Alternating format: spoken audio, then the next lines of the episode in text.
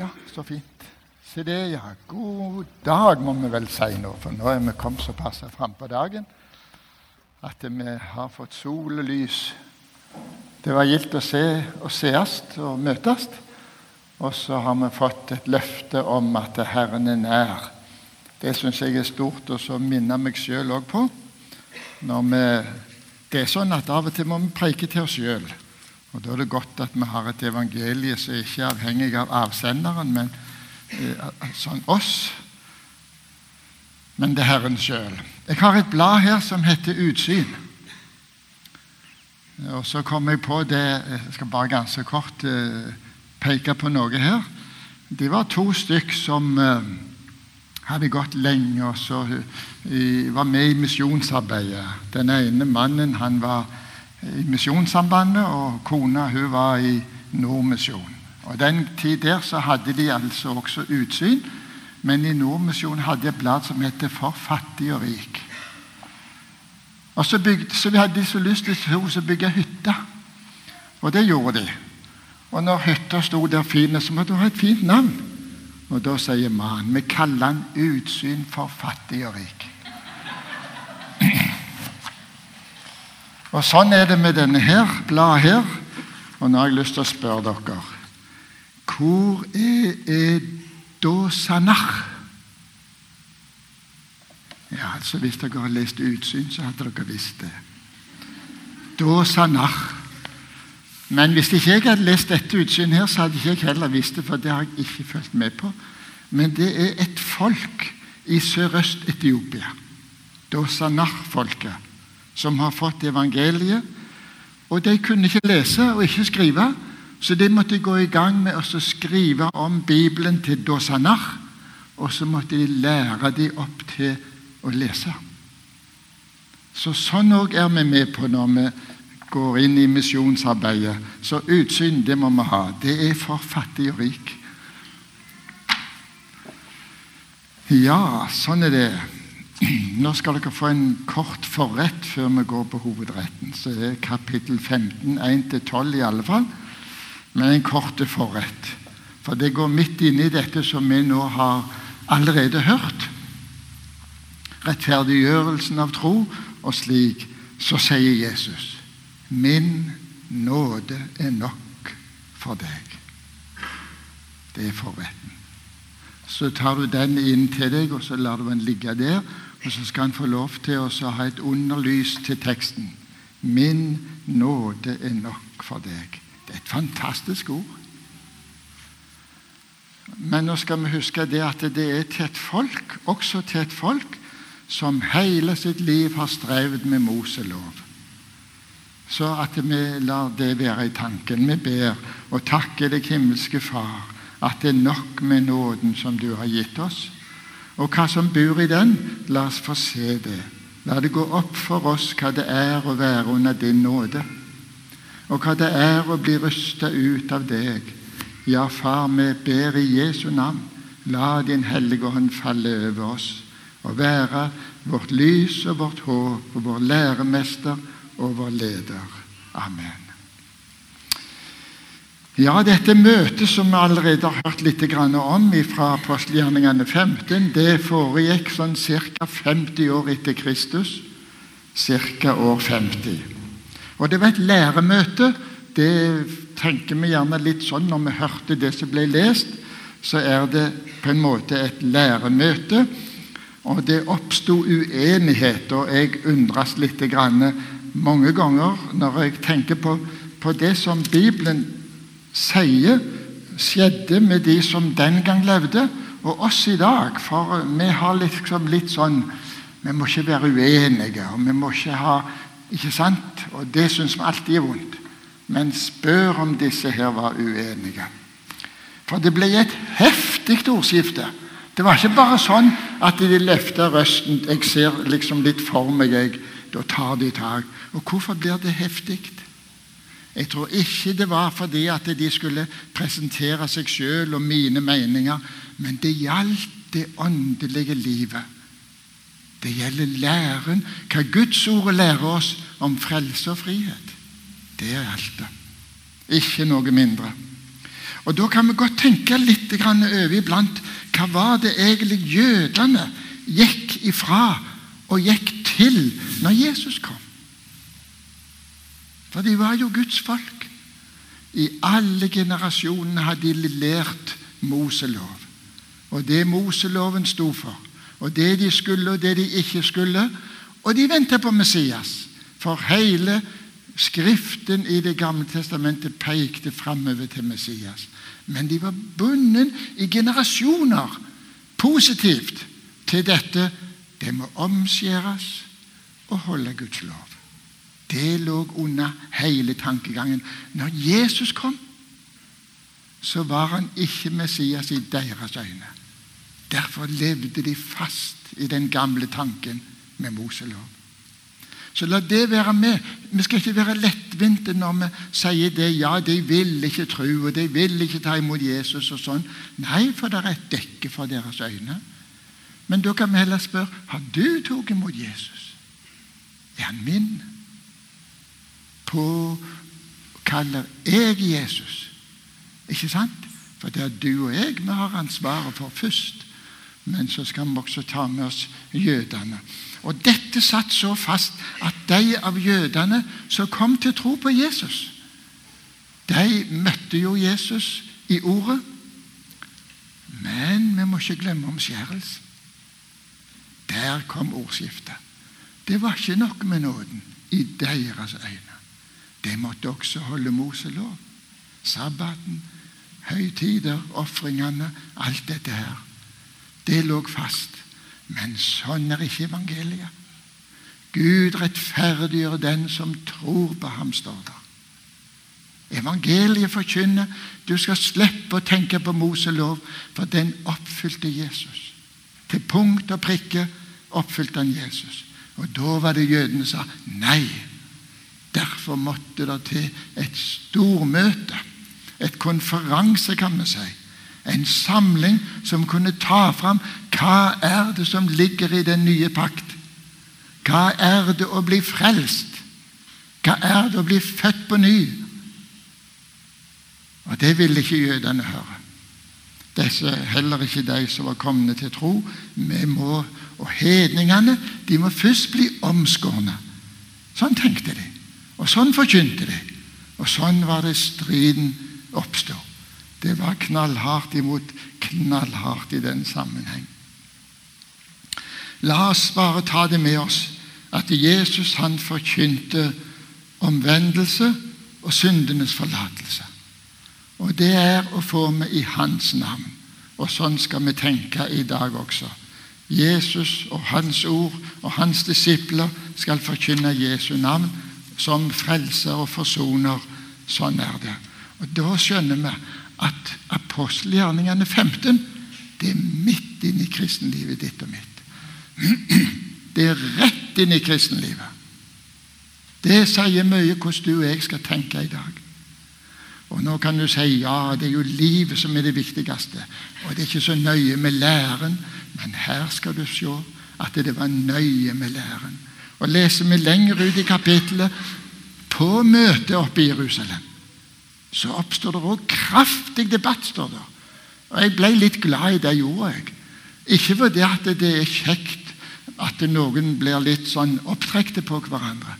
Men det, var, det forteller hvor viktig det var hva du og jeg lærer, og hva du og jeg hører, og hva du og jeg tror. Det er viktig.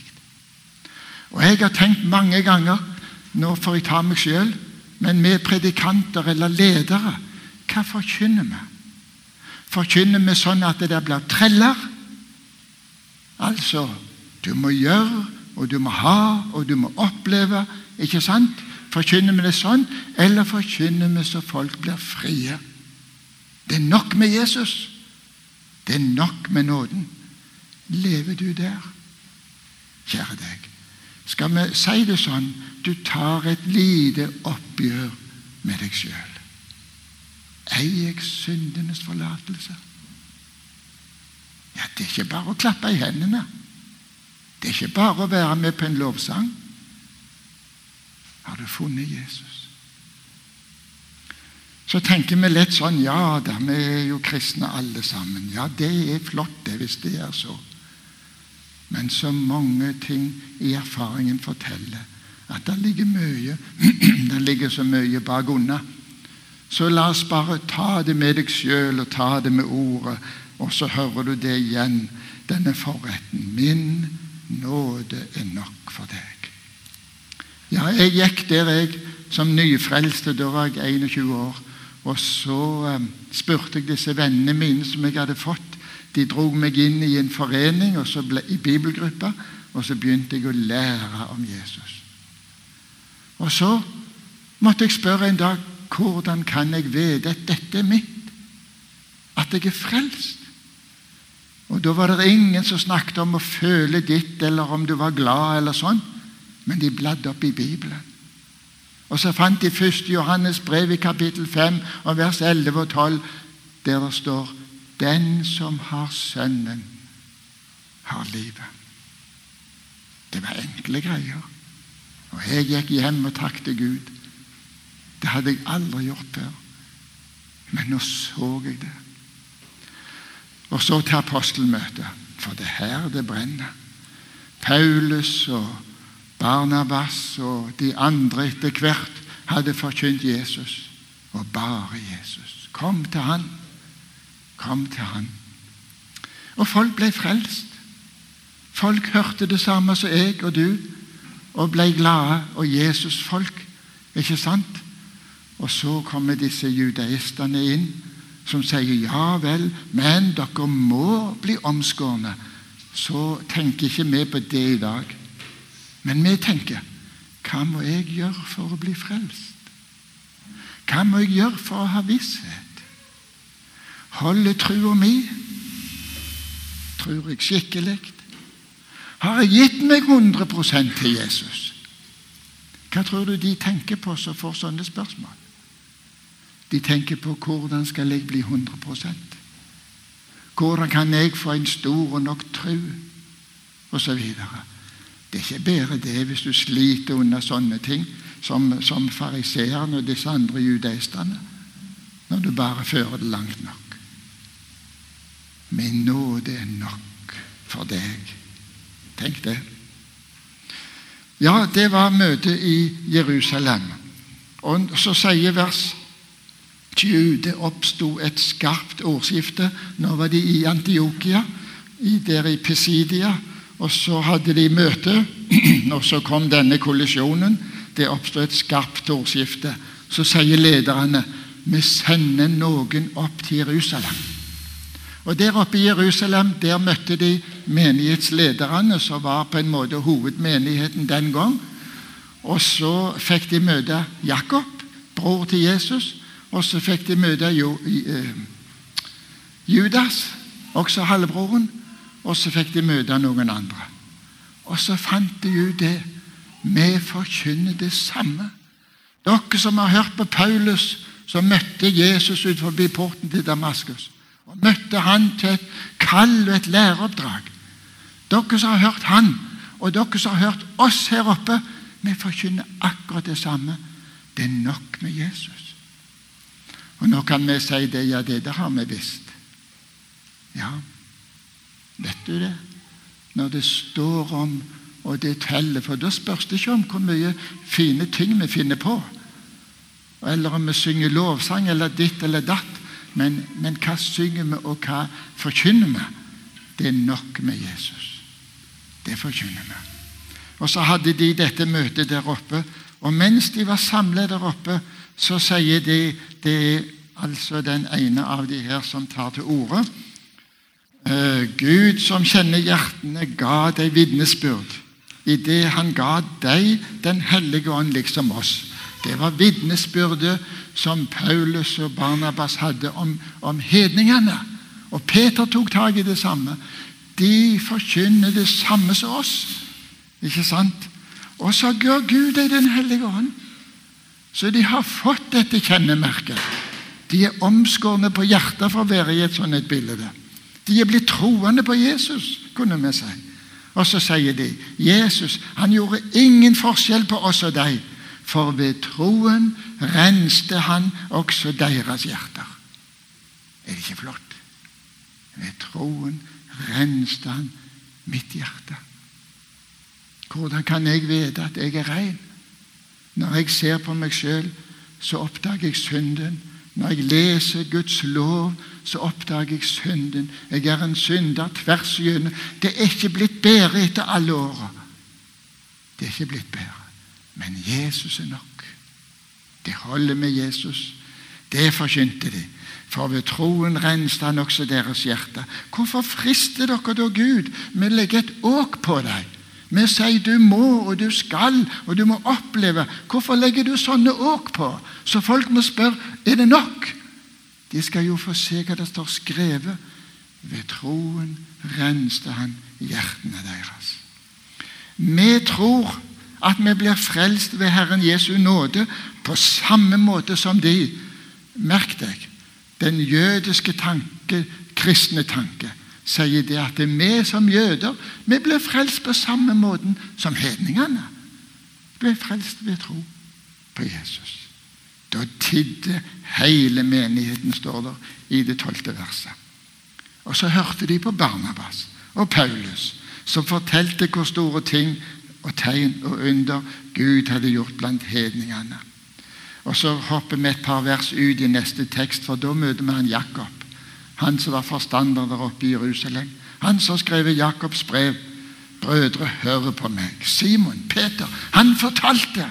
Han fortalte hvordan Gud fra først av søkte å ta ut av hedningene et folk for sitt navn.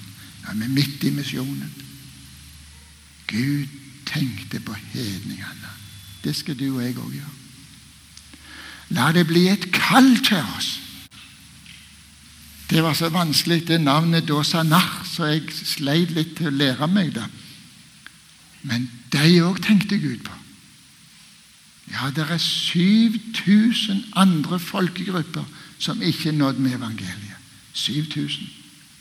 Vi er midt inne i sendetekstene i Bibelen. Apostlenes gjerninger kunne være Den hellige ånds gjerning. Ja, hva skal du og jeg gjøre? Hvem skal bære misjonsarbeidet i morgen? Vi som er gamle, vi må snart tre av. Ikke fordi vi plent vil, men fordi sånn er livet. Hvem skal bære misjonsarbeidet? Hvem skal bære ut evangeliet? Og så vet du, Hvis du leste Jesajas i kapittel 6 og i vers 8, så har profeten et oppgjør med Gud. Og det må du og jeg òg ha. Og Nå snakker vi ikke bare om dette å bli frelst. Nå snakker vi om å følge Jesus så hadde han et oppgjør med Gud. Han møtte den hellige, den tre ganger hellige. Han møtte han. Har du møtt han? Når du åpner Bibelen, så møter du den tre ganger hellige. Det er Hans ord. Hvem skal jeg sende, spør Gud. Og så skal vi ikke tenke på Jesaja og på jødefolket. Nå skal vi tenke at du og meg her. Hva har du svart? Det er ikke noen unntakstilstand for noe. Hvem skal jeg sende, spør Gud. Nå skal vi ha generalforsamlingen til sommeren. Dette året som ligger bak oss, har vært et tøft år økonomisk. Det òg hører med til bildet. Hvem skal gå? Hvordan kan de forkynne når ingen går, står det i Romerbrevet 10. Hvem skal vi sende, og hvem skal gå for oss, sier Herren. Da svarte profeten, Her er jeg. Send meg. Tør du å si det til Jesus? Jeg husker jeg skulle prøve å be etter Bibelen. Og så kom jeg på dette, traff jeg over dette ordet. Be derfor høstens Herre at Han vil drive arbeidere ut i sin høst. Ja, skal jeg våge å be om det? Tenk om han snur seg, og så kommer han til meg. Og så sier han, 'Du, Jakob.' Ja, dette er ikke bare følelser. Dette er reelle tanker. Da må du svare. Han har ingen andre enn deg og meg. Han har ikke det. Han kan ikke gå ut og sette annonser bare ute i gata. Men den som tok imot Jesus, den har han. Eller har han det? Det må du svare på. Jeg er så glad for at Gud har all slags oppgaver til oss. Noen må være lærere, og noen må være sykepleiere, og noen må være snekkere, og noen Det er mange yrker. Der er det. Men noen må låse døra hjemme og selge huset kanskje og komme seg en annen plass. For der òg skulle de høre evangeliet. Sånn er det. Det ble et skarpt ordskifte. Hvorfor var det så skarpt? Jeg skal si deg det at det kom ikke dette nådeordet fram, så går vi fortapt. Vi er forresten fortapt. Uten Jesus er vi fortapt. Så Derfor ble det så skarpt ordskifte, for det står om liv og død. Det er det det står om. Det står ikke om hva jeg synes og du synes, men enten står det om evig liv og tro på Jesus og bare Han, eller så er det trelleliv borte fra Jesus. Sånn er det. Nå er du og jeg heldige, for vi fikk evangeliet. Ja, vi fikk lov til å høre dette ordet. At han skulle bygge opp i en Davids falne hytte. Det var et vanskelig ord, syns jeg, i mange, lange tider. Det var vanskelig, det der med Davids falne hytte. Israel var jo Davidsfolket, ikke sant? Og så hadde de vært seg vekk, og de var havna i Babylon og, og førte bort av Gud fordi at de levde i strid med Gud. De ville ikke ha med Gud å gjøre. Så tenkte Gud jeg skal vise det, jeg. Og så var de borte i Babylon. Og så kommer dette ordet der. Jeg skal reise opp i en Davids falne hytte. Altså dette folket som har vast seg vekk, skal jeg samle igjen. Det var Davids falne hytte. Og hvordan samla han de? Jesus kom. Da var tida inne. Da tidens fylde kom, så samla Gud Davids falne hytte. Så ble det en rest som tok imot Jesus. Og så spredde det seg, og så kom det til deg og meg. Og nå er det du og jeg i dag. Og så skal vi være innenfor Guds ansikt. Så skal vi få lov både å be for hverandre og med hverandre. Mest av alt så skal vi høre ordet og la det gripe oss. Og så takker vi Gud for det. Og så sier vi Gud signe deg i denne dagen.